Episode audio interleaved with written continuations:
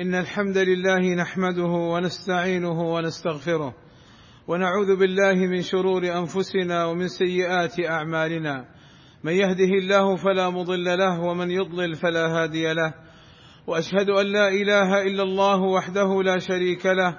وأشهد أن محمدا عبده ورسوله. يا أيها الذين آمنوا اتقوا الله حق تقاته ولا تموتن إلا وأنتم مسلمون.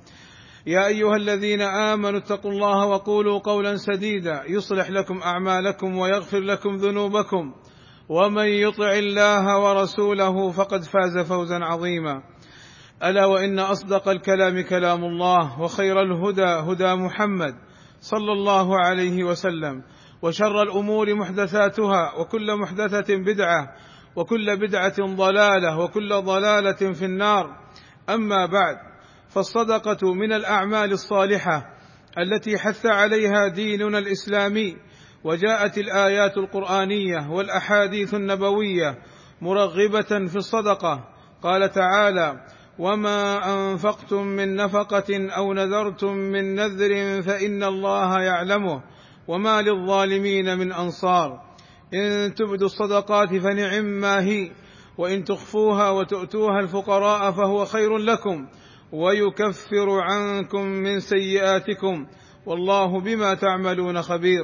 وقد رغب النبي صلى الله عليه وسلم في الصدقة بقوله صلى الله عليه وسلم من تصدق بعدل تمرة من كسب طيب ولا يقبل الله إلا الطيب فإن الله يقبلها بيمينه ثم يربيها لصاحبها كما يربي أحدكم فلوة أي أول ما يولد. حتى تكون مثل الجبل والصدقة تزيد في المال ولا تنقصه. قال صلى الله عليه وسلم ما نقصت صدقة من مال. أي أن الصدقة تبارك في المال ويحصل صاحبها على الأجر الكثير عند الله. والمال الحقيقي ما ادخره العبد ليوم القيامة. قال صلى الله عليه وسلم يقول العبد مالي مالي وإنما له من ماله ثلاث ما أكل فأفنى أو لبس فأبلى أو أعطى فاقتنى وما سوى ذلك فهو ذاهب وتاركه للناس. فالمعنى أن ما تصدق به يجده حاضرا يوم القيامة. قال صلى الله عليه وسلم أيكم مال وارثه أحب إليه من ماله؟ قالوا يا رسول الله ما منا من أحد إلا ماله أحب إليه. قال صلى الله عليه وسلم فإن ماله ما قدم أي ليوم القيامة ومال وارثه ما أخر أي ما ادخره ولم ينفقه. عباد الله إن الصدقة ستر للعبد من النار. قال صلى الله عليه وسلم من استطاع منكم أن يستتر من النار ولو بشق تمرة فليفعل. وقال صلى الله عليه وسلم ليتقي أحدكم وجاهه النار ولو بشق تمرة. وقال صلى الله عليه وسلم كل امرئ في ظل صدقته حتى يقضى بين الناس. فكان الراوي راوي هذا الحديث لا يخطئه يوم إلا تصدق فيه بشيء ولو بكعكة أو بصلة والصدقة تطفئ الخطيئة.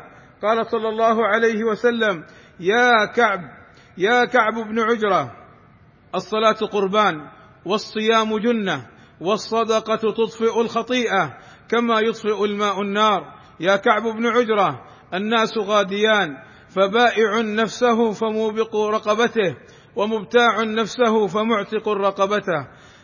والله أسأل لي ولكم التوفيق والسداد وأن يغفر لنا الذنوب والآثام. إنه سميع قريب مجيب الدعوات.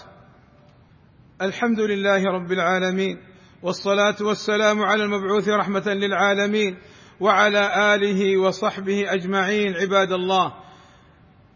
الصدقة تطفئ عن أهلها حر القبور.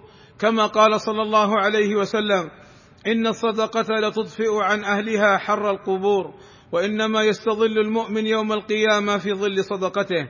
عباد الله إن منصة إحسان تعمل على إيصال الصدقات إلى محتاجيها بأمن وشفافية. ومنصة تيسرت تعمل على إعانة المعسرين وقضاء دين المدينين بكل يسر وسهولة. وهما منصتان رسميتان. قام ولاة أمرنا جزاهم الله خيرا باعتمادهما وجعلهما سبيلا لإيصال الصدقات للمحتاجين حتى لا يتذرع بعض المتذرعين بالتلاعب بالصدقات وإنفاقها في غير وجهها كما هو معلوم في السابق. فقد كان بعض الناس يجمع التبرعات ويعطيها للخوارج الإرهابيين. فقد وجد ولاة الأمر عند هؤلاء الخوارج الإرهابيين الملايين. ولما تحققوا من ذلك وجدوا أن هذه الملايين إنما هي مال جمعوه من صدقات الناس. فقام ولاة الأمر جزاهم الله خيرا بإنشاء هاتين المنصتين منصة إحسان ومنصة تيسرت. وقد ثبت في السنة مثل ذلك فعن جرير رضي الله عنه قال كنا في صدر النهار يعني في أول النهار عند رسول الله صلى الله عليه وسلم فجاءه قوم عراة مجتابي النمار أو العباءه متقلدي السيوف من مضر يعني كانوا فقراء فتمعر أي تغير فتمعر وجه رسول الله صلى الله عليه وسلم لما رأى بهم من الفاقة فدخل ثم خرج. فأمر بلالا فأذن وأقام فصلى ثم خطب. فقال صلى الله عليه وسلم تصدق رجل من ديناره من درهمه من ثوبه من صاع بره من صاع تمره حتى قال صلى الله عليه وسلم ولو بشق تمره قال فجاء رجل من الأنصار بصرة كادت كفه تعجز عنها بل قد عجزت أي يتساقط الدنانير والدراهم منها. قال ثم تتابع الناس حتى رأيت كومي من طعام وثياب حتى رأيت وجه رسول الله صلى الله عليه وسلم يتهلل كأنه مذهبة. فجمع صلى الله عليه وسلم المال وأمر أصحابه بالصدقة للفقراء والمحتاجين فجمعوا لهم المال فما قامت به الدولة هو شبيه بهذا ومثيل.